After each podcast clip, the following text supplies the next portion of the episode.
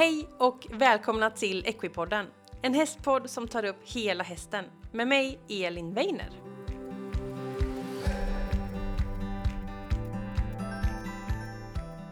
Då var det dags för ett nytt avsnitt av Equipodden och jag vill hälsa just dig välkommen.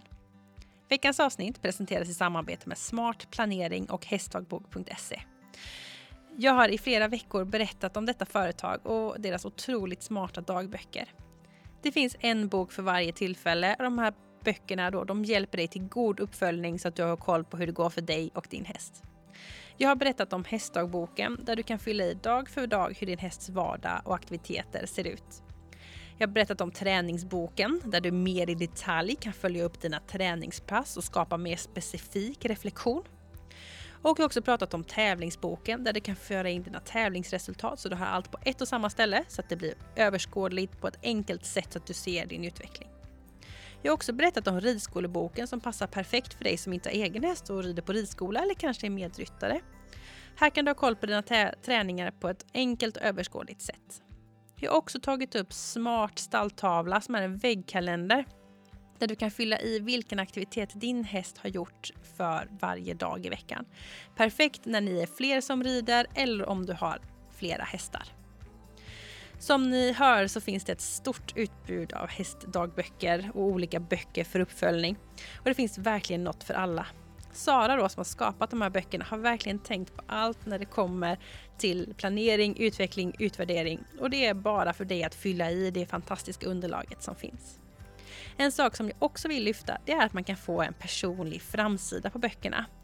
När du gör din beställning så kan du enkelt då klicka i en ruta där du kan ladda upp en bild så att du får din favoritbild eller varför inte en motivationsbild. Det här är hur bra som helst.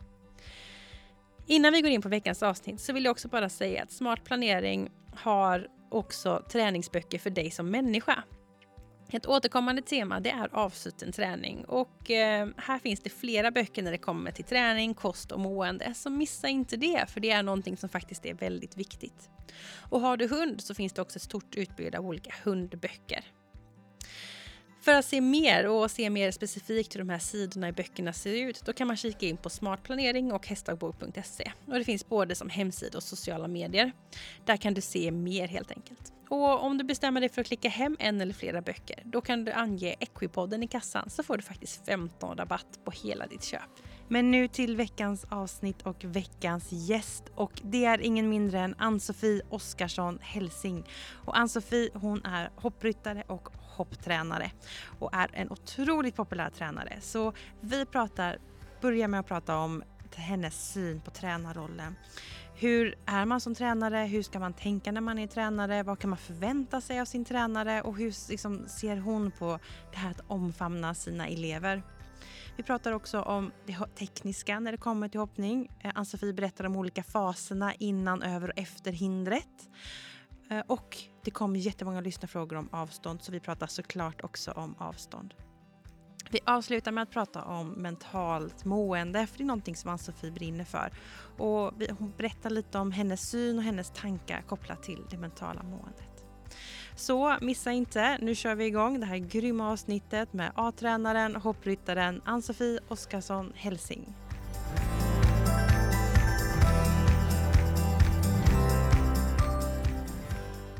Sådär, då sitter jag här med Ann-Sofie Oskarsson Helsing. Hej! Hej! Jättekul att få komma hem till dig. Kul att ha dig här, kul att få träffa dig och se vem du är. ja precis, inte bara höra någon. Ja. och vi är ju jättelångt söderut, vart är vi? Skurup? Vi är Skurup ja, mm. det ligger nästan, ja man kan säga mitt emellan Ystad och Malmö. Väldigt mm. nära Malmö Airport. Mm. Mm, just det. Och här bor du? Här bor jag. Och har din eh, verksamhet, eller ditt område kanske man ska säga. Ja, kan man säga. Och eh, du är ju hopptränare och hoppryttare. Ja.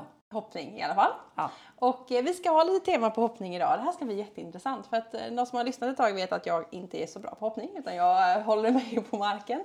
Men eh, det här ska bli jättekul. Men jag tänkte att du kan få börja med att berätta lite om vem du är och hur du hamnade där du är idag. Ja, eh, nej, men jag är 41 år och jag började rida väldigt tidigt för min mamma eh, har ridit eh, dressyr på väldigt hög nivå. Mm. Ridit alla mästerskap som finns, OS, VM, EM. Wow. Och ehm, så att eh, jag har till och med vunnit Falsterboderbyt i dressyr i min mammas mage. Ja, Så snyggt. började min ridkarriär faktiskt. Ja, det känns väl jättebra. Ja, Börja tänk- på topp. Jag tänker att det är en bra merit. Ja. Eh, nej, men så att jag eh, eh, började rida liksom direkt när, jag, när man kunde. Liksom. Mm. Och min mamma kämpade otroligt länge för att eh, jag skulle bli dressyrryttare. Mm. Och eh, det gick så långt att eh, vi hade, mamma lånade till och med in en, en ponny från en elev som, det var en gammal dressyrponny men en jättefin. Mm. Och vi kvalade till SM och så. Och sen när vi väl skulle åka på SM så samma helg så var det någon sån här Let's Se-hoppning någonstans. Oj. Vi bodde i Skåne då. Ja. Ja. Eh, Så jag övertalade henne gråtandes om att få slippa SM och få åka och hoppa den här Let's Se-hoppningen. Och där tror jag liksom, där gav hon upp. Okej, Mm. det var droppen. Mm. Ja, och sen har jag hoppat. Eh, ehm, jag red ponny. Jag red faktiskt bara upp till C-ponny. Mm. Jag blev väldigt lång väldigt tidigt. Mm. Så gick upp på stor häst när jag var 14. Eh, och sen så tävlade jag på. Och ehm, ja, red alla juniormästerskap, eh, junior young rider. Mm. EM, NM. Och, ehm, och sen så, ehm, ja. Sen så fortsatte jag i hoppgymnasiet på Strömsholm som fanns då. Det finns Mm. tyvärr inte längre, Riksidrottsgymnasiet i hoppning. Mm. Där jag hade Jens Fredriksson, och Sylve Söderstrand, Lotta Björe, Mm. eh, Peter Markne som lärare, helt fantastiskt. Ehm, och efter gymnasiet så åkte jag utomlands och jobbade eh, hos eh, Henk Noren, Luciana Denise, eh, Lauren Hoff i USA. Eh, så jag ville, ja, men lite som du förklarade här innan, att du är väldigt intresserad av att lära dig saker. Jag ville liksom, jag tänkte vill man bli bra då måste man vara hos de bästa liksom. Mm. Så gjorde jag det. Eh, och sen så kom jag hem och eh, fick faktiskt en tjänst på Strömsholm. Då var jag inte så gammal, 19-20. Eh, började som trainee eh, och sen fortsatte jag och blev hopplärare där. Mhm. Eh, så jobbade där ett par år. Ehm, och under den tiden så fick jag också ingå i eh, Leksands knäckebrödteam som på den tiden, då hade de en dressyrryttare, en hoppryttare och en fälttävlansryttare. Just det, det kommer jag ihåg. Ja. Så det var jag, Christian von Krusenstjerna och Magnus Gellerdahl som var fantastiska två år. Mm. Ehm, och där och då någonstans så kände jag att jag hade min heltidstjänst på Strömsholm, hade jättemycket träningar. Mm. Eh, och så kände jag liksom att jag hade jättefina hästar men tiden räckte liksom inte Mm. till. Jag förstår. Så kände jag nej men nu jag får satsa nu. Mm. Så jag sa upp mig och flyttade till Skåne då. Mm. Och det här var då eh, 2008. Mm. Och flyttade ner och startade upp min verksamhet och så och sen så ganska snart efter så var jag med om en ganska allvarlig ridolycka så jag bröt mitt ben jätteilla. Mm. Det låter ju så, inte att så farligt att bryta ett ben men det tog åtta månader Ja, innan jag satt på häst igen. Just det. det beror lite hur benet bryts också. Liksom. Ja, Mm. och jag hade lite otur med, med liksom mycket saker runt omkring, att det inte Mm. läkte och Ja. fick göra om operationer och sådär. Mm. Lärde mig otroligt mycket av den resan, Mm. att ta mig tillbaka. Mm. Jag brukar säga det när jag hade brutit benet och första läkaren kommer in och så säger han ehm, du, ehm, det tar ungefär sex veckor tills du får rida igen. Och jag Mm. grät som lille skutt. Alltså verkligen. Ja. Och sen tog det åtta månader. Oj, ja, det är tungt. Ehm, och då får man också lite perspektiv på alltså all rehab jag fick göra. Vad jag lärde mig mycket av det. Mm. Eh, hur ont det kan göra att träna. ehm, och, men ändå med lite vila då så är smärtan över. Man kan träna igen. Mm. Jag tar med mig jättemycket utav den tiden. Till hästarna framförallt. Mm. Ehm, och sen så, men ja. Och sen under den här tiden också, lite innan jag flyttade ner så hade jag då kommit i kontakt med Beerbombs, med Marcus Beerbombs som är bror till Ludger Beerbaum, Mm. är gift med Meredith Michaels Beerbaum. Mm. Eh, så Meredith och Marcus har varit som mina mentorer de sista, ja sen 2007 ungefär. Mm. Dit jag åker och tränar med jämna mellanrum. Mm. Även varit där nere i längre perioder. Mm. Ehm, och det har varit omvälvande för både hur jag har liksom byggt upp mitt system och ja, mitt, mitt synsätt på hästar och människor. Ehm, och ehm, ja, och sen har jag fortsatt. Sen har, är det ju som det är i den här sporten så försvinner lite de bästa hästarna. Mm. Och då fick jag liksom styra om lite och tänka att okej, jag har inte andra förutsättningar än vad jag har. Mm. Vill jag lägga mig ner och gråta för det eller vill jag försöka liksom utveckla någon annan bit under tiden tills hästarna kommer tillbaka? Mm. Och då valde jag att liksom, okej, jag kör all in på tränarrollen. Mm. Eh, jag red, rider ju samtidigt men inte kanske på den nivån som jag önskar. Mm, Det kan vara svårt att hinna satsa på båda. Eh, ja, ja, och sen hade jag liksom inte, jag hade inte hästmaterialet. Mm. Utan yngre hästar som ja, behöver komma upp och komma, komma på, på en tävlingsnivå och så vidare. Mm. Ehm, så ja, så, så blev det ungefär. Så att eh, nu står jag här en, en, eh, en mil från där vi sitter nu med mina hästar och nu har jag eller under lång tid här nere så hade jag liksom 15 hästar i träning och sådär. Oj, det är mycket. Det är mycket. Mm. Men jag kände också att det är också så min kropp, jag har ehm, långt innan jag bröt mitt ben så har jag har två diskbråck i min ländrygg. Och ehm, jag kände till slut liksom att eh, jag kunde inte, alltså min kropp orkade inte rida så mycket hästar Mm. och jobba så mycket i stall. Mm. Ehm, så jag kände jag måste liksom, jag måste anpassa det här så att jag håller. Så nu har jag det på en nivå att jag rider mellan två till tre hästar om dagen och det är ungefär vad min kropp klarar av. Mm. Och sen har jag eh, väldigt mycket elever eh, över hela Sverige egentligen. Jag har kurser, ja men som nu i januari så har jag liksom kurs. Nu i helgen har jag hemma, nästa helg har jag Stockholm. Sen har jag Kungsbacka, sista helgen i januari. Sen har jag lite Flen, Kalmar. Men det är, Kungsbacka här nu är faktiskt nytt. Men annars har jag bara fasta Mm. ställen som jag åkt till de sista tio åren. Liksom. Så det är samma elever och ja, jätteroligt. Kul att få följa deras resa. Verkligen. Mm. Så att eh, nej, så bor jag här med min man eh, som vi har varit tillsammans i 15 år. Mm. Eh, och hunden Foppa här som ligger här bredvid.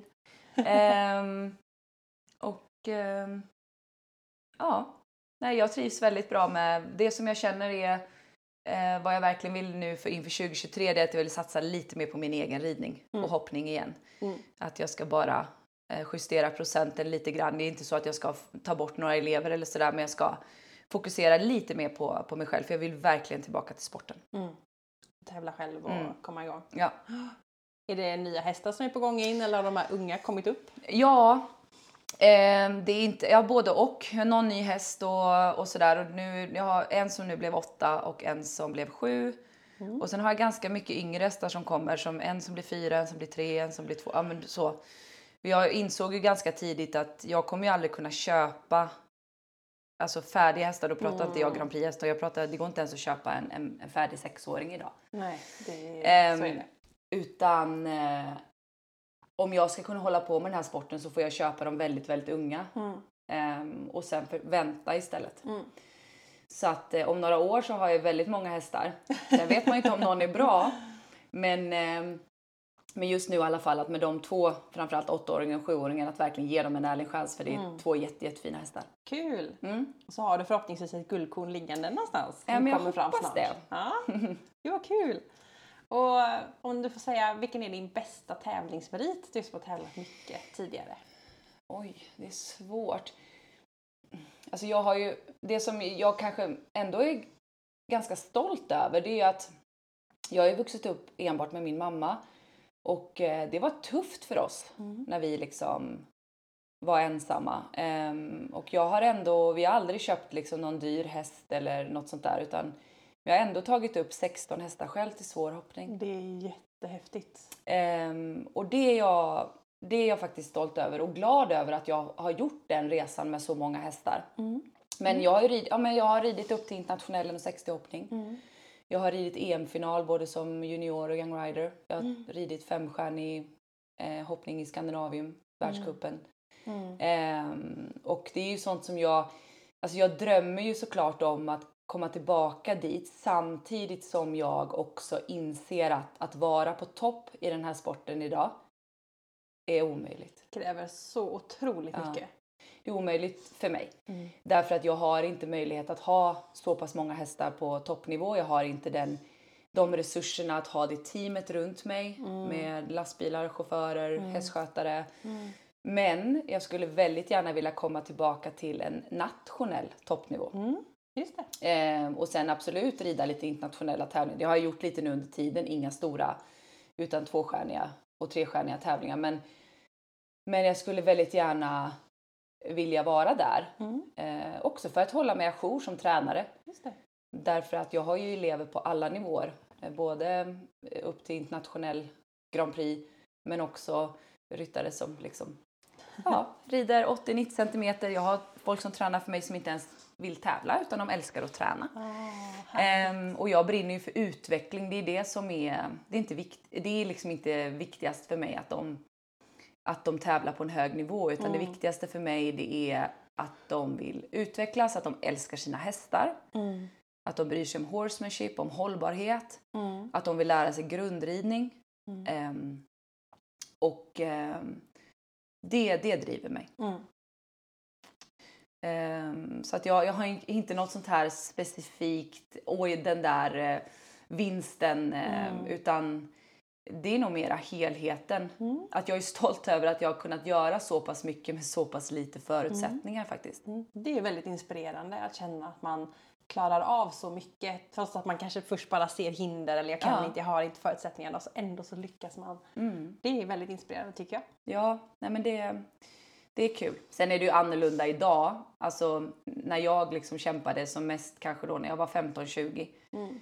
Då såg sporten lite annorlunda ut. Ja, det har hänt mycket. Har Så att idag är det kanske svårare att, att, eh, att göra de resorna. Jag kanske inte hade kunnat gjort den resan idag Mm.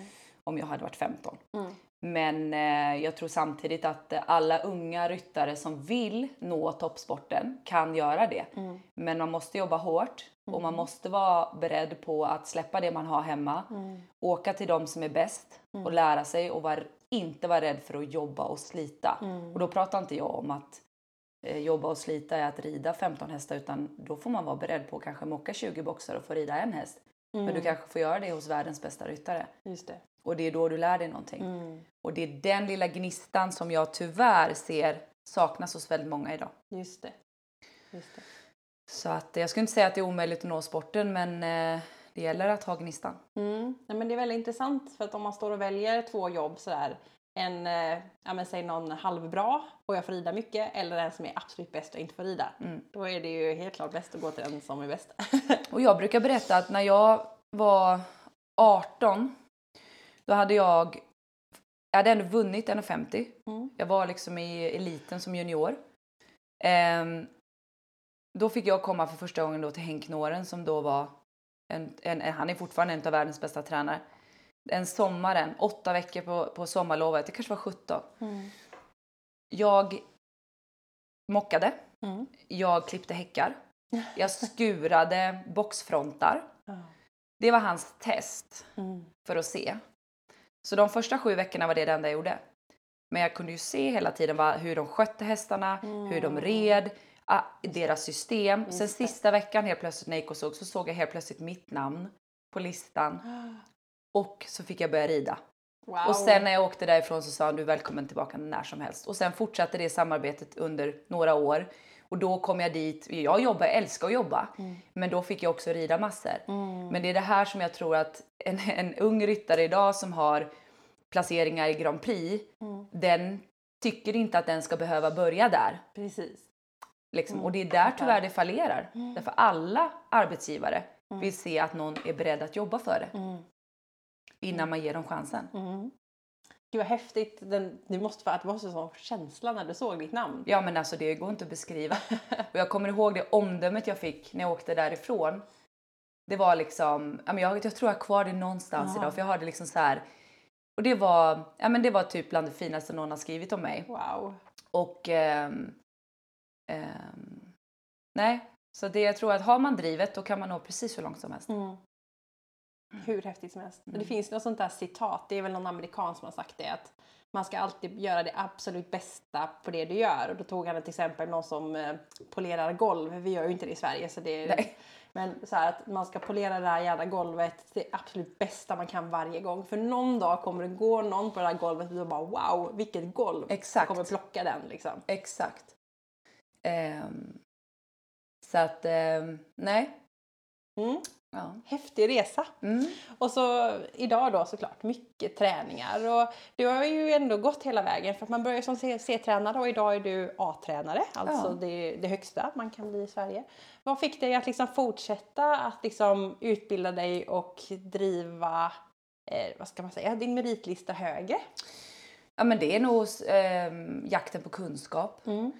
Ehm, och att det blir ju också en form av att, inte bara att man känner att man lär sig mer, men det blir ju en form av, ehm, eh, vad ska man säga, ja men att du samlar eh, massvis med erfarenheter och sen får du också då bekräftat när du då, från första början, eh, började ju med att jag tog ridinstruktörexamen. Mm. För det behövde jag ju ha när jag jobbade på Strömsholm. Det. Ehm, och det tycker jag också är viktigt att, att det inte bara blir liksom att man som tränare idag bara ser liksom tränarutbildningarna. För att får, har du ridinstruktörexamen så har du liksom basen av Mm. och då är inte C-tränarutbildningen lika svår. Mm. Ehm, och sen så, nej, sen följde det sig bara naturligt att det blir ju så. Alltså desto mer erfarenhet du får, desto fler elever får du som rider lite större och det är ju då olika kriterier. Så när man är B-tränare, du får inte ansöka till att bli B-tränare om du inte har elever på en viss nivå och har jobbat tillräckligt länge i sporten och så vidare. Eh, och då blir det en så ja, fast nu är ju jag här och jag har ju faktiskt gjort det som krävs där. Ja, men då, då, gör- då söker jag till det. Ja. Och sen så var det många som sa det här med A-tränare eh, många år tidigare än, än innan jag sökte. Men jag kände lite grann att, jag blev A-tränare 2018 ehm, och då var jag, vad var jag då, 28, nej 38. Ehm, men jag kände liksom att en A-tränare för mig ska besitta väldigt mycket erfarenhet. Mm. Eh, och jag kände inte att liksom, med min ålder, jag tycker fortfarande inte att jag har eh, alltså, tillräckligt med erfarenhet. Absolut för att vara A-tränare men Ja. man tycker desto, jag tror du kan känna likadant inom det du gör. Ja. Att för varje dag som går så känner man sig vad lite man kan. ja, eller hur? Mm. Eh, och då så kände jag att nej men det är inte dags än liksom. Mm. Men sen så kände jag väl att vid något tillfälle, nej men nu, nu, nu tänk, tycker jag nog ändå att jag har befogenhet att söka. Mm. Och då gjorde jag det. Eh, så det var, det var också en sån här milstolpe och det var en grej jag hade på min bucket list liksom. Mm. Att ha Eh, den där. Ja, och Ja. sen många, många gånger när jag liksom, vad ska man säga, tvekar på mig själv eller ja men du vet så försöker jag ändå tänka fasen men alltså du, du har ändå gjort det här och du Mm. är en A-tränare och du har liksom presterat och så vidare. Det blir en skön grej att liksom luta sig Mm. tillbaka mot. Just. Ehm, så att, ehm, men jag söker ju hela tiden kunskap. Det var ju som jag berättade för dig förut det här nu med att jag har börjat med att jobba ihop med Bo Genå och hur han jobbar med mina hästar på töm och lär mig liksom hur mycket som helst av att se dem därifrån. Ja, så häftigt. Ehm, och ehm, också nu att min mamma ska komma ner mer frekvent och hjälpa mig med dressyrarbetet och jag ska börja hoppträna lite mer kontinuerligt. Ehm, det är svårt, mina tränare bor ju i Bremen och sen är de borta. De är i, alltid i, i, eh, i Florida den här tiden på året när vi sitter nu. Ah. Så de har kommit hem först i april och då blir det så här. Det blir för mycket avbrott. Mm, Ehm, så ska jag satsa på mig själv nu så måste jag liksom shapea upp lite Mm, med frekvensen på fattar. väldigt mycket. Ja, jag förstår. Mm. Det är lite att tvinna till helt Eh, enkelt. absolut. Ja, jag förstår.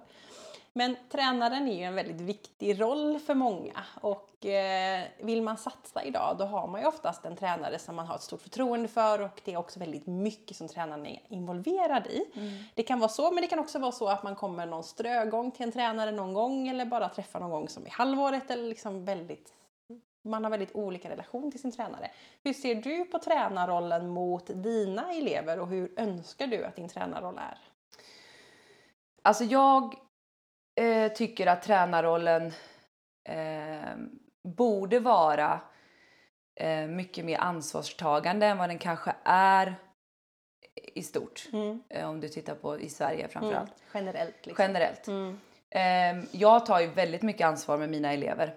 Eh, jag tar ju inga nya elever. Utan jag jobbar ju med eh, folk som tränar frekvent. Mm.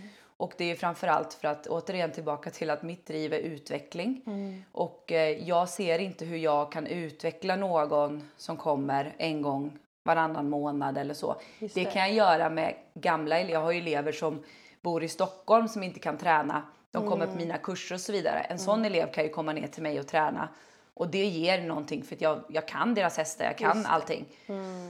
Men jag tror att det är väldigt viktigt att se den stora bilden ehm, och att vara tillgänglig. Ehm, jag jobbar ju ehm, med ett stort antal elever väldigt nära där jag eh, hjälper dem med allt. Med ehm, träningsupplägg, tävlingsupplägg, videoåterkoppling. Ehm, en gång i veckan där de har en fast tid där de kan ringa mig och diskutera saker. Just det. Ehm, och ehm, de kan ju då, eh, de skickar ju sina videos till mig och frågor och så vidare och de vet också att ehm, jag kan inte svara jämt. Mm. Eh, och ha, svarar jag inte på deras meddelanden så är det för att jag inte kan, det är inte för att jag väljer att inte göra det. Mm. Men på måndagar då som vi har mellan fem och sex Mm. ehm, så finns då antingen har de, de har alltid fått ett svar senast måndag klockan Just det. 18. Just det. Och det är också för att många gånger, alla, alla tävlar ju på helgen Ja. och så skickar de sina filmer och jag tävlar ju själv. ja. Och det är inte så lätt att liksom hinna göra allting däremellan. Mm. Ehm, de kan också få hjälp eh, framförallt eh, med, ja, men de ringer mig om de är på tävling och de har problem med någon, något avstånd eller sådär så skickar de banskissen och berättar vilken linje det är och avståndet. Och så jag försöker, jag tar exakt så mycket ansvar som jag kan. Och jag har jobbat med den här gruppen nu i fem år. Ehm, och eh, sett en otrolig skillnad på utvecklingen också för att de, jag ser ju också till att ja, men se hela teamet runt en satsande ryttare. För det är ju också så här att det spelar ingen roll om man har jättebra tränare, jättebra häst eh, och kanske jättesupportande föräldrar. Men sen så har man ingen koll på veterinärbiten eller kiropraktik eller att dens häst kanske egentligen skulle behöva tömköras två dagar i veckan istället för att trimmas. Ehm, för hållbarhet och så vidare. Ehm, och likadant det här att man håller koll på att, att de har en, en bra hovslagare. Ehm, det är så många kedjor som ska fungera för att det ska bli ett resultat. Ja. Och det är det här många heller inte förstår. Det är alltid väldigt lätt att anklaga tränaren när saker och ting inte fungerar. Men i slutändan är det ju så här att det är ju bara eleven själv som kan utvecklas Precis. beroende på hur den bygger sitt team Mm. och hur den tar till sig träning eh, och hur den gör sina läxor. Mm. Ehm, så att ehm, nej men den biten tycker jag, jag, jag tror inte jag skulle kunna jobba med ströträningar och så idag med folk som bara kommer någon gång då och då utan ehm, det då ser jag, då, då är det mer som att någon bara betalar mig för att hoppa lite Ja, precis. och det blir det, det är tyvärr inte min grej. Just det. Jag slipper Nej. bära fram hindren. Typ. Ja men lite så. Mm. Så det, det känner jag inte är eh, i min grej. Mm, jag förstår. Och du undervisar också på väldigt olika nivåer, kan man säga så? Allt ifrån ganska låg nivå till väldigt satsande nivå. Vad är, det, är, det, är du olika i din tränarroll eller hur ser du på att coacha den elitsatsande ryttaren mot den här som jag tycker det är kul att hoppa ryttaren? Alltså mitt system bygger på alla mina hoppövningar och liksom markarbetsövningar, dressörövningar ä- ä- utgår ju liksom från att alla tränar på samma saker men på olika nivåer. Och då ställer jag också olika krav beroende på om det är Lisa som vill hoppa 80 cm på sin fjording eller om det är en, en Grand Prix-ryttare som alla behöver kunna grundridning, alla behöver eh, kunna rakrikta sina hästar men givetvis Lisa som rider på fjordingen hon behöver lyssna och hon behöver förstå att rakriktning är viktigt eh, för att hennes häst ska hålla. Men för den som ska hoppa 1,50 och att den hästen ska kunna klara den träningen mot att gå 1,50, där måste det finnas mycket mer kunskap. Så det, det handlar bara om egentligen, det är likadant, lika, likadant träningssystem. Jag har samma hoppövningar, alltså som bygger på precis samma grunder. Men jag bara sänker eller höjer nivåerna på frågorna som ställs.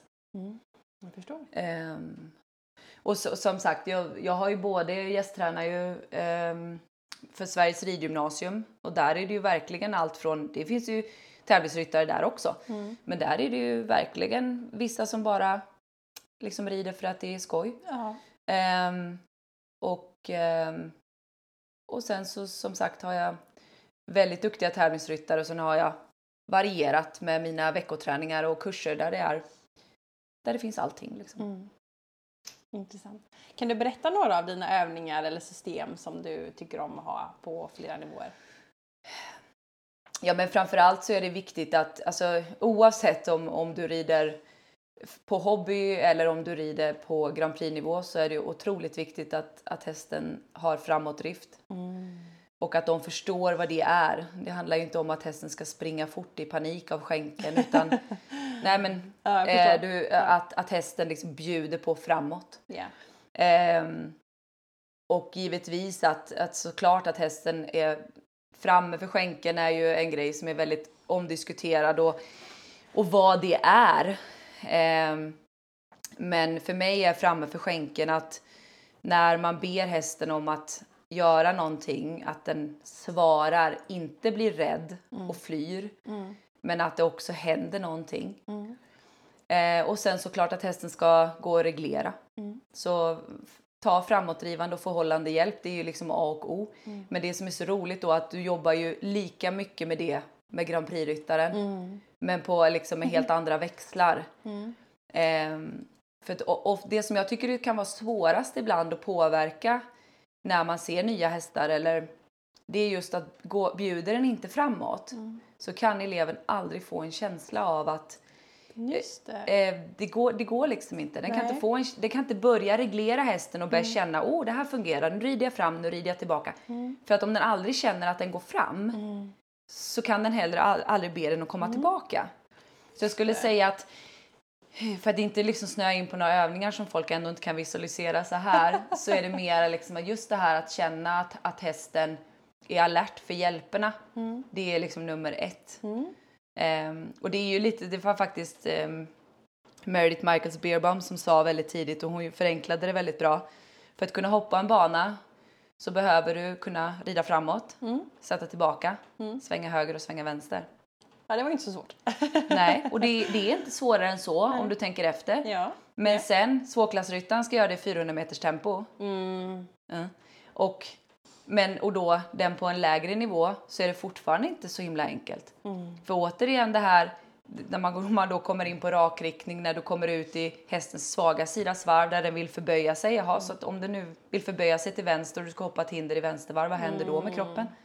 Hur blir den vändningen kontra när du vänder upp i starka sidas varv? Mm. Eh, så att det är så mycket, men det, det, det går att förenkla det väldigt egentligen och sen så försvårar det beroende på vad du har för uppgift på banan. Liksom. Just det, precis. Det kräver ju såklart mycket mer timing och precision om du ska hoppa 1,50 eller 50.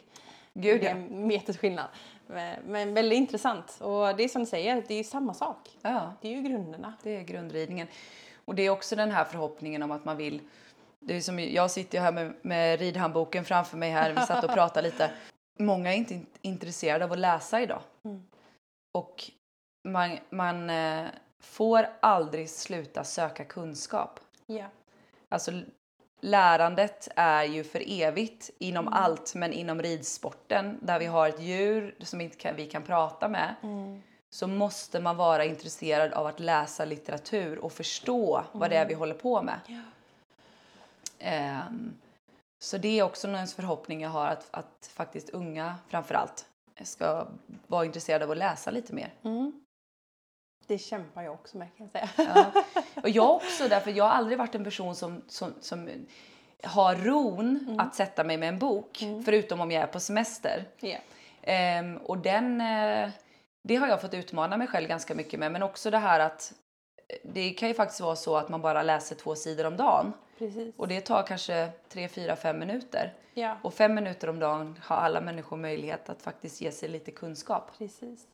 Men just det här återigen det här sökandet och viljan och i dagens ridsport, vi har ju sagt det flera gånger här, det har hänt så otroligt mycket från när jag var liten till vad som är nu och vilka trender som går och all ny forskning som kommer. Att vi upptäcker det här känslolivet hästen har och att det utvecklas och på sättet vi ser och vi ser att ah, det här det var kanske inte så bra, det här var bra, så här ska vi göra. Det kommer så mycket. Det gäller att hänga med lite i svängarna. Och det gäller att våga prova. Jag säger det till mina elever ja. när jag står och undervisar och vi säger nu att du rider för mig och så har, jobbar vi med någonting. Jag provar ju massa saker för mm. vissa saker funkar på din häst. Mm.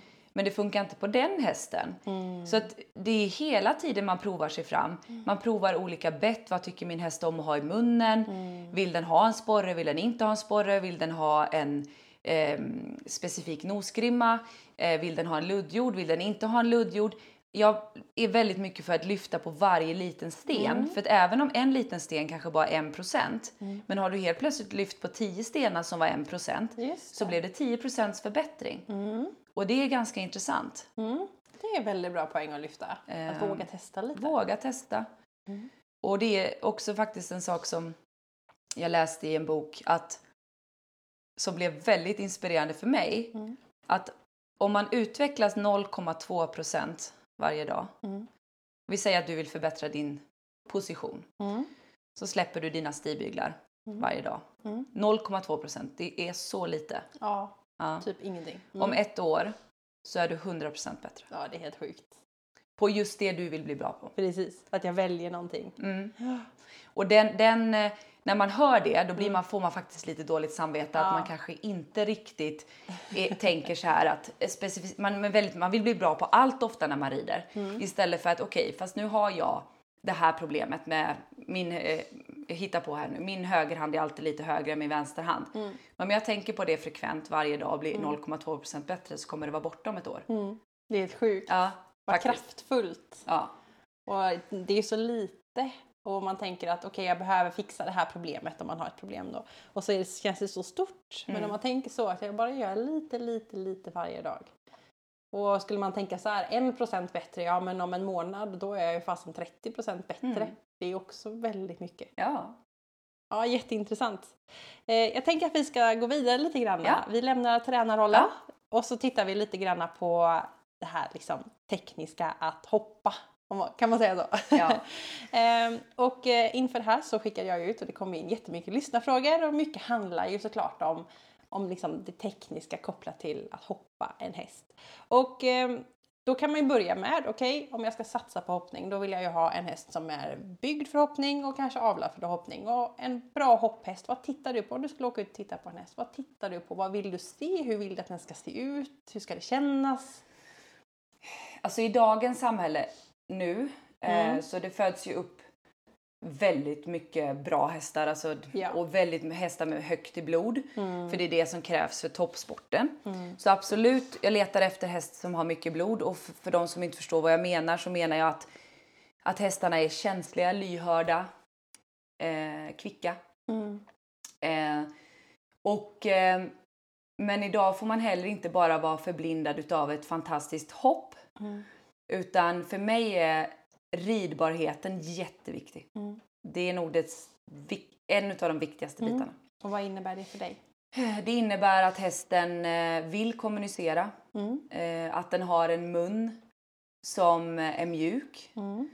Ehm, och med det att, man, att egentligen för att förklara, förenkla det är ju att, att du kan ha en mjuk kontakt med hästen och Mm. att den lyssnar på små hjälper. Ehm, exteriören, Mm. jätteviktig. Mm. Eh, en, förr i tiden eh, så pratar man ju jättemycket om att det var en häst med lång rygg, det skulle man ha för det, det. för det var samma sak som stor kapacitet. Mm. Ehm, jag skulle inte säga idag att jag letar efter en häst med lång rygg. Mm. Utan eh, det, för det som händer med det, det är ganska tydligt att bakbenen kommer ju ganska mycket, långt bakom hästen. Ja.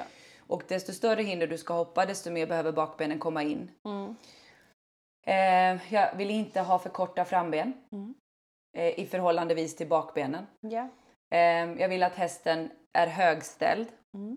Eh, och det betyder ju då att, att halsansättningen är lite högre så att den inte går i framvikt när den springer sig, av sig själv så vill man inte se att hästen liksom tippar framåt. Mm. Därför det blir i hoppningen, om jag, när jag tänker då om jag ska hoppa en trekombination på 1,50 Mm.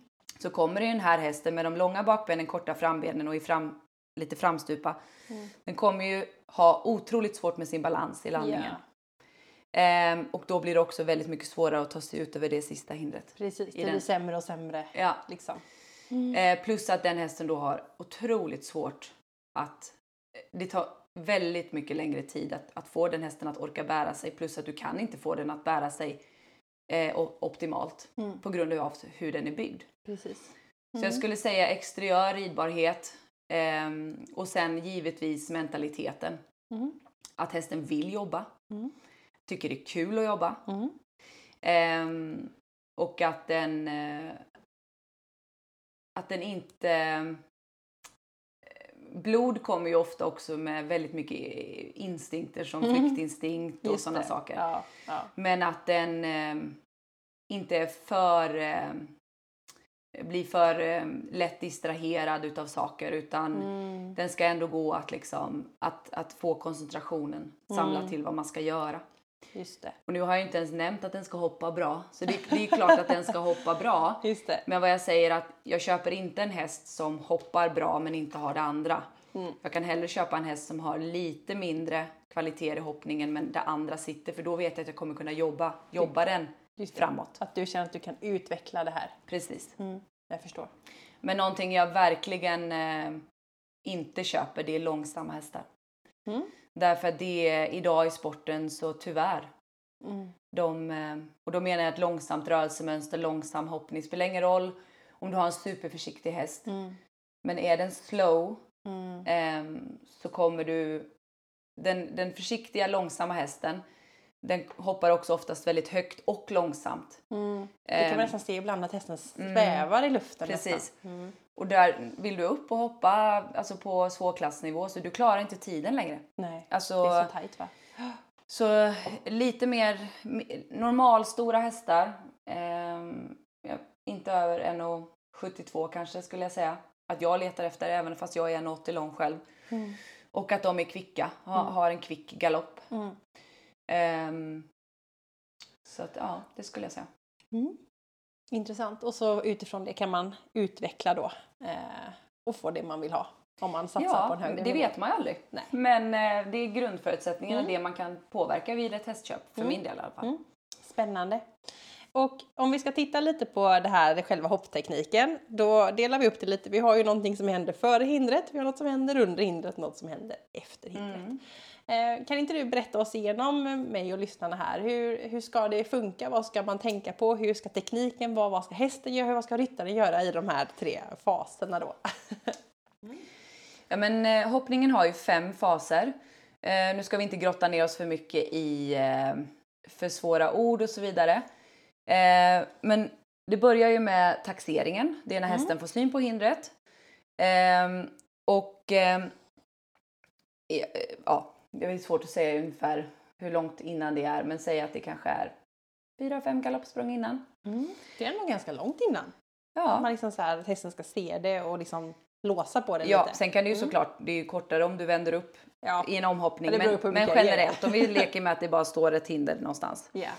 Ehm, och sen när hästen kommer fram till hindret så eleverar den Mm. och det är när den sänker nacken, eh, kommer ner på sina, ehm, den sänker nacken och bakbenen kommer in under den Mm. för att den ska kunna lyfta sin framdel och den kommer den ju ta hjälp utav med Ja. sin hals. Ja. Så att den kommer ner. Sen kommer acceleringen Mm. och det är ju då när den skjuter ifrån Mm. upp mot hindret. Ja. Det är Eh, bakbenen som. Precis. Mm. Och sen kommer då baskuleringen. Det är det här, de, om man, man tänker alla foton som tas på hinder över, eller på ryttare. Ah, ja. Det är när hästen är över hindret, den brukar sin rygg. Och det är då sänker den ju halsen igen för att kunna använda sin rygg och kunna få ut sina bakben. Mm. Och sen har du landningen. Mm. Så det är om man pratar om, om termerna. Mm. Ehm, och ehm, vad, var, vad var din nästa fråga där? Precis, och hur ska man tänka i varje av de här liksom, faserna då som ryttare? Alltså det viktigaste, det är också det här, jag, många pratar ju om det här med avståndsbedömning, att de Mm. tycker det är svårt. Jag vet du sa Ja. också att du hade fått lite frågor om det. Ja. Vad jag, vägen, balans och tempo, Mm. det tycker jag är de absolut viktigaste ehm, grundstenarna till, till en anridning egentligen. Jag Mm. tycker att avsprångspunkten är väldigt överreklamerad. Mm. Att många har liksom för stor tro på att de just måste det. komma på ett visst avsprångspunkt Mm. för annars går det inte. Man nästan mållåser lite på det. Precis. Mm. Eh, så så ryt, rytm, väg, balans och tempo är avgörande för hur du, eh, hur du kommer kunna göra ditt språng. Ehm, och det handlar inte om att hästen inte kan hoppa av lite för stort eller lite för nära. Det kan den om du har de här bitarna på plats. Mm. Och där brukar jag då försöka inspirera mina elever som tycker att jag har så svårt att se avstånd. Mm. Att faktiskt alla bitarna som behövs för att du ska komma bra till hindret kan du faktiskt påverka. Mm. Att rida en bra väg, det kan alla. Ja. Det kan alla. Ehm, och att lära sig ihop med sin tränare vad som är rätt anpassat tempo Mm. för hindret som ska hoppas. Det går också att lära sig. Jajamän. Ehm, att ha hästen i balans Mm. kan också vem som helst lära sig. Mm. Ehm, så att det, det är faktiskt inte så svårt som många får för sig att det är. Eller hur? Utan det är många bitar. Sen kanske det är... Man kan ju då titta på sitt, sin, e- sitt eget ekipage. Att ja, men okej, jag kanske... Jag känner nog inte att min häst är riktigt i balans. Mm. Nej, men då kanske prata med sin tränare om det. Och hur kan jag jobba med min häst i markarbetet för att få den i bättre balans? Och jag pratar också mycket med mina elever om att de måste träna sina hästar hemma i ett banhoppningstempo. Mm. Därför att det är väldigt, det är väldigt stor skillnad att kunna rida i en dressyr, jag vill säga arbetsgalopp Mm. och ha hästen i balans där. Mm. Att sen levla upp därifrån till tävlingstempot, Just det.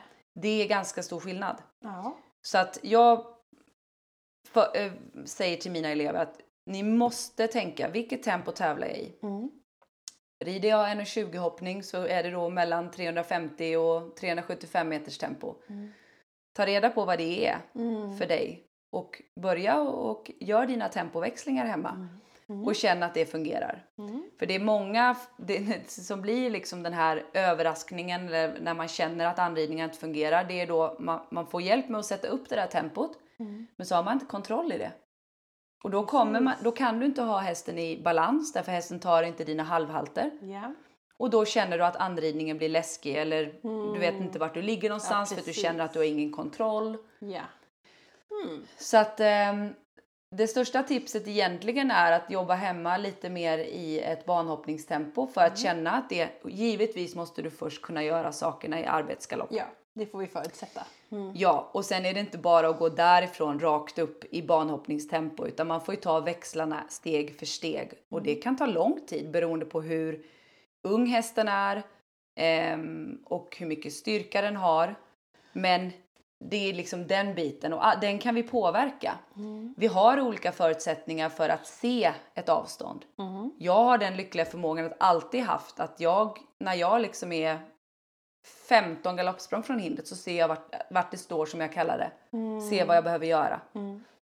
Men alla gör inte det. Nej, vi har ett ypperligt exempel om Maria Gretzer Ja. som har varit väldigt öppen med att hon inte hade så lätt för det. Men hur hon har tränat Mm. att sätta alla de andra bitarna skulle vara picobello Mm. och hon har ändå ridit liksom hur många mästerskap som helst Ja, och så att, Verkligen en av våra bästa. Absolut. Så att det är, avsprångspunkten är överreklamerad och man gör sig själv en väldig omväg om man bara fokuserar på att försöka leta efter den. Mm. Utan verkligen få till de andra bitarna. Mm. Precis. Och det är som du säger, det kanske är där många fastnar. För det är många som hör av sig och säger att avstånd är svårt och hur ska jag göra? Vad ska jag ha för övning? Vad ska jag göra? Men det kanske är så att det är de andra bitarna, att man mållåser på det där och det här är problemet men att man egentligen kanske borde se på de andra bitarna. Absolut. Och sen det är ju ofta det att som jag också brukar dela med mig om att det finns ingen ryttare. Inte Peder Fredriksson eller Steve Gerda eller du eller jag som vågar rida i ett högre tempo än vad du känner att du har kontroll i. Nej, det blir läskigt. Det blir läskigt. Mhm. Och då måste man ju se, känner, känner jag nu när jag sätter upp den här så kallade tävlingsgaloppen och så känner jag att det känns läskigt. Mm. Ja, då kanske jag inte ska hoppa på några veckor Mm. och sätta det här markjobbet Mm. tills det inte känns läskigt längre Mm. och sen hoppa. Precis. Så att det, det är... Eh, och det är ofta också så här att när man, i och med att jag jobbar mycket med det där så får jag många gånger pusha folk ur sin comfort zone. Mm. Mm. Och då blir de först jättefrustrerade för då när de sätter upp den här galoppen Mm. så tappar de ju all styrning. Ja, Och så tycker de, då kanske de tror först, nej men det här är ka, ka, kast liksom, det här kan vi inte göra. Och Fast det är precis det här som är steget Ja. till att du kommer få kontroll. Mm. Liksom. Mhm. Och så motiveringen blir ju då, fast det här är banhoppningstempot. Vill du tävla banhoppning? Alla bara ja. Mm. ja, då är det det här tempot vi måste jobba i. Precis. Och det är också en sån där sak att träna som man ska tävla sen. För om jag inte tränar på det här tempot hemma och kommer på tävling och gör det. Då, då blir det ju dels en ny plats, lite tävlingsnerver hos både mig och hästen. Ja. Och så ska jag plötsligt rida fortare än vad jag brukar göra. Det är ju ingen bra recept för att lyckas. Och jag skulle säga att alla de vi- tävlingsvideos som jag eh, analyserar, så när det inte går rätt Mm. så är det oftast för att man har börjat i ett för lågt tempo. Spännande. Mm. Så det är själva liksom inför ett hinder. Eh, och sen då om vi stampar av och hamnar upp i det här då acceleration och nu har jag skrivit ner det här. baskulering. Baskuleringen. Vad ska ryttaren göra då? eh, du menar mitt över hindret? Mm. Ja, men Ja. precis, jag tänker precis i liksom så här, jag har sett mitt avstånd, här ska jag liksom stampa av Mm. och sen över. Ja, där pratar jag mycket om det här att ehm, för att hästen ska kunna komma in i accelereringen, alltså när den då ska sätta sig på sina bakben, Mm. så är det otroligt viktigt att ryttaren hjälper den med sin balans. Mm. För att hästen är ju byggd med redan väldigt många procent på sin framdel mot kontra bakdelen. Mm. Och då när den här är eleveringsfasen, när den verkligen har sänkt sin nacke, Ja. Då har den ju, ja, jag har ingen forskning på det, men den har ju otroligt många procent på sina framben. Ja. Och där kan vi ju se då att om ryttaren då är lite framåtlutad och har sin vikt på hästens hals Mm. så försvårar ju den eh, accelereringsmomentet otroligt. Mm. Så svaret på din fråga är ju att, att ryttaren verkligen är upprätt och själv tänker nu ska vi lyfta. Mm. Och hjälper hästen både med kontakten, att man inte bara kommer fram och liksom släpper allting utan har fortsatt kontakt med hästen upprätt så att hästen kan lyfta. Mm. Accelerera då som det heter i det fina ehm, språket. Ehm, och även då över hindret att man har en bra position eh, med väl nedtrampad häl, lika mycket tyngd i båda stigbyglarna, blicken fram. Mm. Eh, fortsatt kontakt med hästen.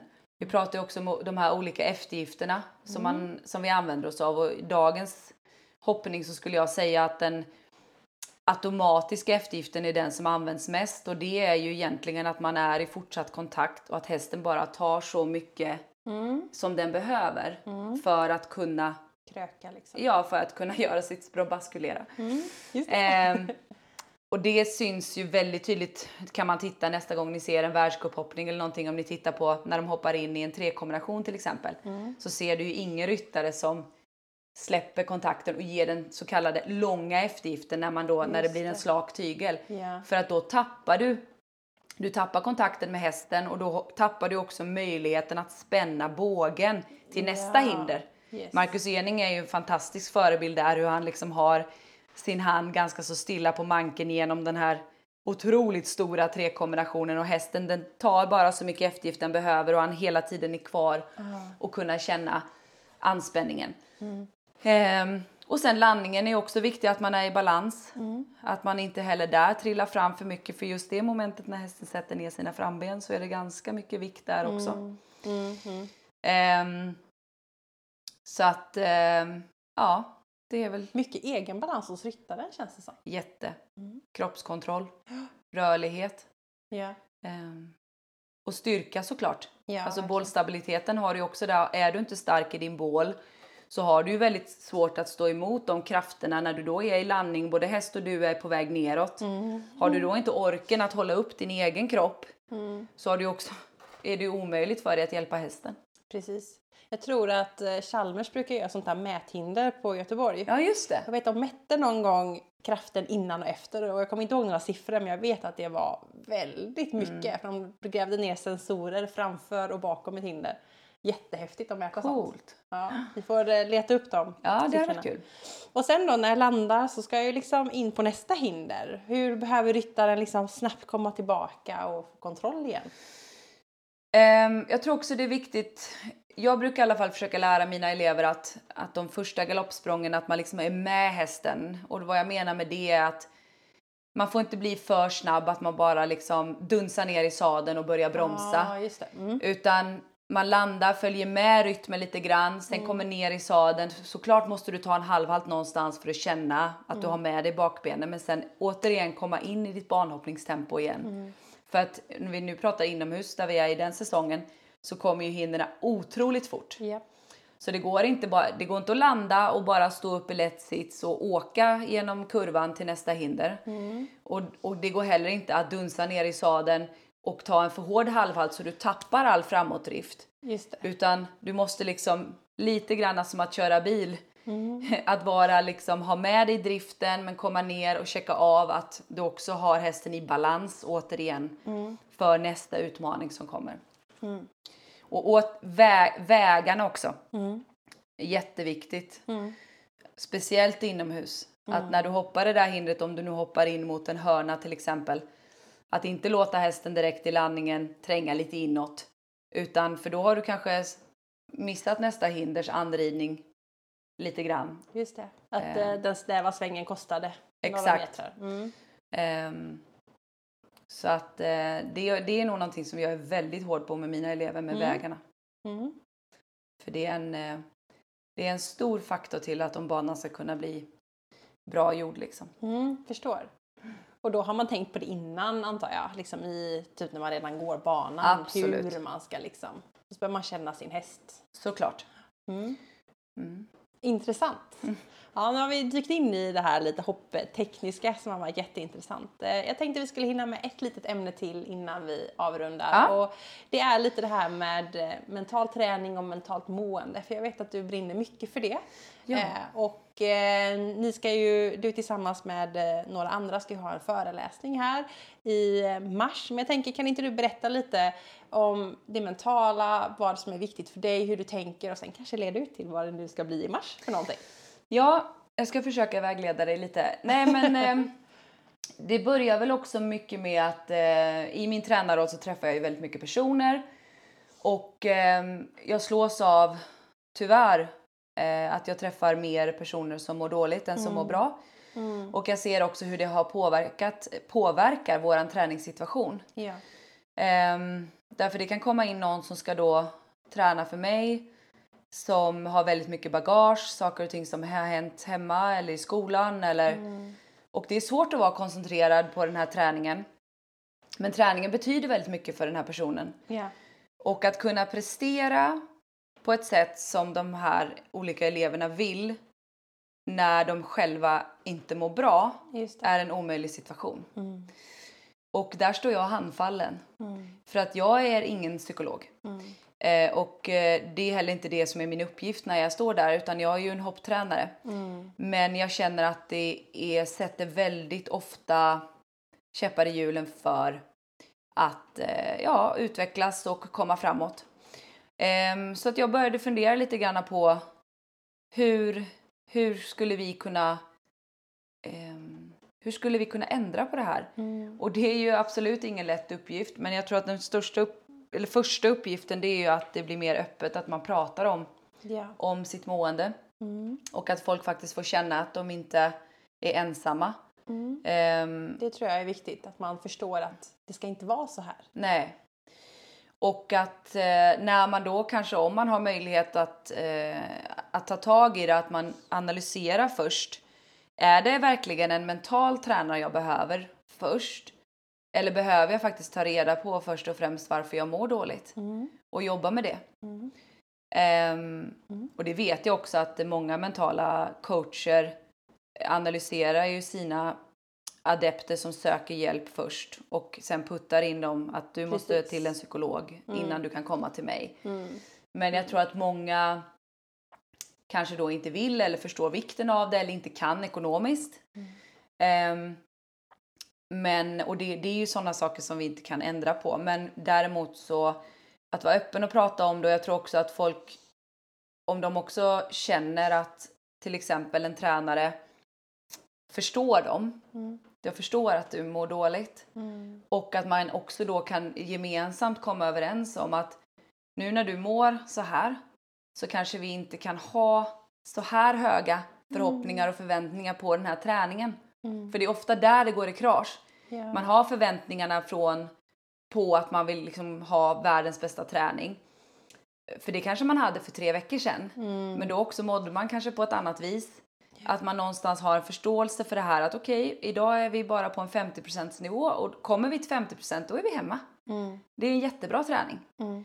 Ehm, och att man får lite acceptans för det själv när man börjar Mm. förstå, jag, jag, jag har mitt mående är upp och ner.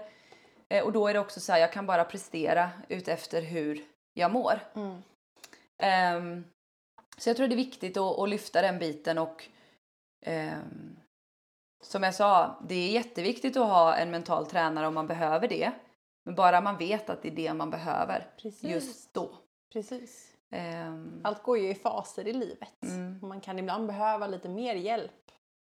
Eh, på olika, alltså, det finns idag väldigt mycket titlar till höger och vänster. Och olika personer är specialiserade på olika saker. Och en psykolog har läst en viss sak, en kurator har läst en viss sak. Mm. En eh, coach har läst en sak, en socionom har läst en annan. Alltså Ja. Man måste ändå se liksom, och ta hjälp av den expertisen man behöver.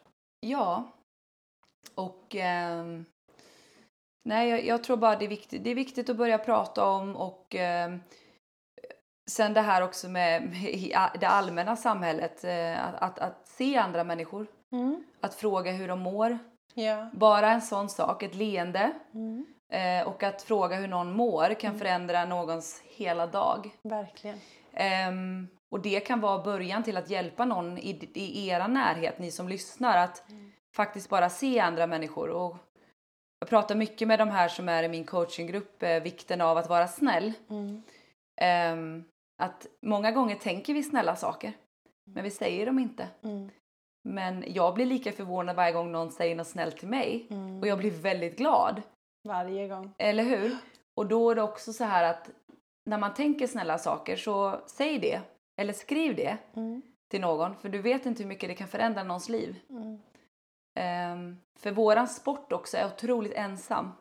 Verkligen. Ehm, du är ute där med kanske din mamma eller pappa eller någon som hjälper dig på tävling. Men du är ensam i din prestation, du är ensam i mycket. Mm. Ehm, men ehm, man blir inte ensam om man öppnar upp och bryr sig om andra människor för då får man det tillbaka. Mm. Ehm, så den, det, det tror jag är ett första steg om man inte har möjlighet att kanske ta professionell hjälp för sitt mående så är det att försöka öppna upp lite grann Mm. eh, mot andra människor och eh, det man ger får man tillbaka. Så är det. Verkligen. Och jag tycker of- oftast om jag gör en kommentar som är positiv eller glatt eller en komplimang, då, då är, jag ser ju oftast att den personen blir glad och jag blir också ganska glad. Ja. Så det skapar ju alltid mer, mer välmående. Det är att ge någonting, och nu pratar jag inte om fysiska gåvor, men att ge någonting är det finaste man kan göra. Mm. Och det är också någonting som jag har blivit bättre på med åren, det är ju faktiskt att ge tid. Mm. Det här som vi gör nu, Mm. det hade jag aldrig tagit mig tid till för kanske tio år sedan. Nej, precis. För att det eh, hade jag, i min värld hade inte jag haft tid för det. Mm. Men eh, det, det är otroligt viktigt och för mig är det nu bara superintressant att träffa dig och Mm. höra vem du är och allt det här. Mm. Eh, det ger mig saker. Det ger Precis. mig energi. Ehm, så den biten tror jag är viktig och det är också som sagt eh, den här föreläsningen.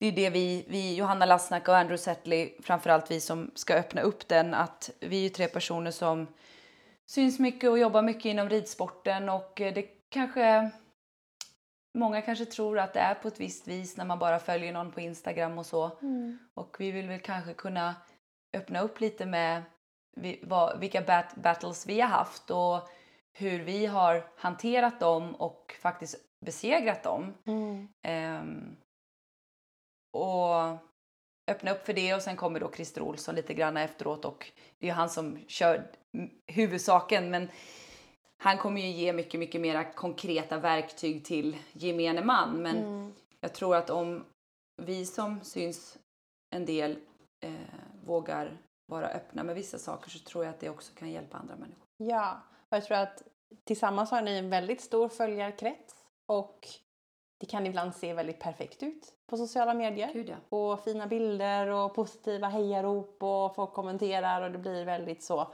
Men att, det, att även där kan det finnas liksom tungt bagage eller att man har det jobbigt i perioder. Att, att belysa det. Gud ja, och sen är det ju så här som jag sa att det är ju upp till var och en hur man använder sin Instagram. Mm. Jag personligen ehm, faktiskt använder egentligen min Instagram ganska mycket som en dagbok. Mm. Jag gör det för min egen skull. Att jag vill liksom eh, spara händelser. Mm. Eh, och det är 90% saker som är roligt. Mm. Eh, och ibland så delar jag med mig av saker som är tråkigt. Och ibland orkar man inte dela med sig av allt som är tråkigt. Nej, precis. Ehm, och ehm, det vet jag att andra kan få kritik för att, att man inte gör mer och så vidare. Men återigen, att döma andra människor får man aldrig göra utan alla gör sina val.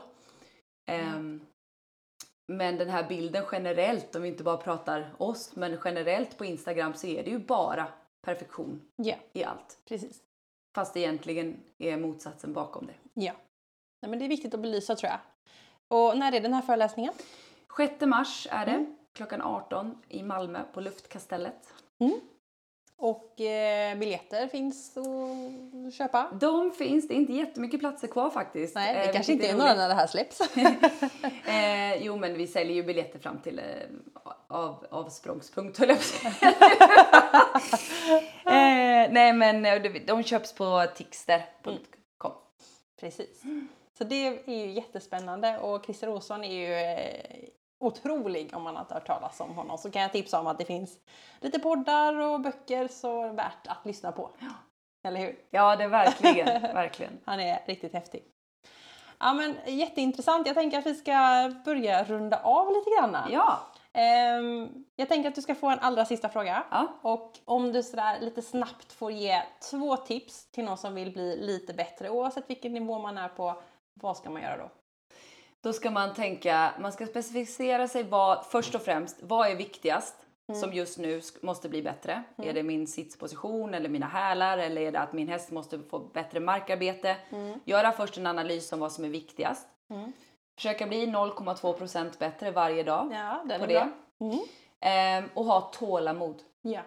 För saker och ting med hästar tar lång tid. Det finns inget quick fix. Mm. Så tålamod och 0,2% bättre varje dag. Mm. Så bra tips. Men eh, då får jag tacka så jättemycket för att du vill vara med i Equipodden. Tack för att jag fick vara med.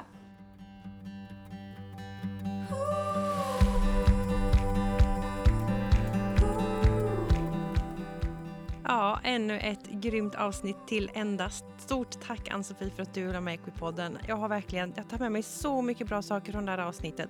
Det här med 0,2 procent och ja, det är bara så bra. Det här kommer bli ett favoritavsnitt för mig som jag kommer att lyssna på många, många gånger. Så stort tack till det.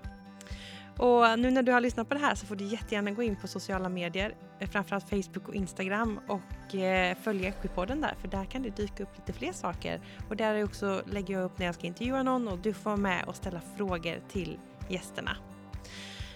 Kika också in på Smart planering som jag pratade om i början. Hästdagbok.se och Smart planering finns både på sociala medier och som hemsida.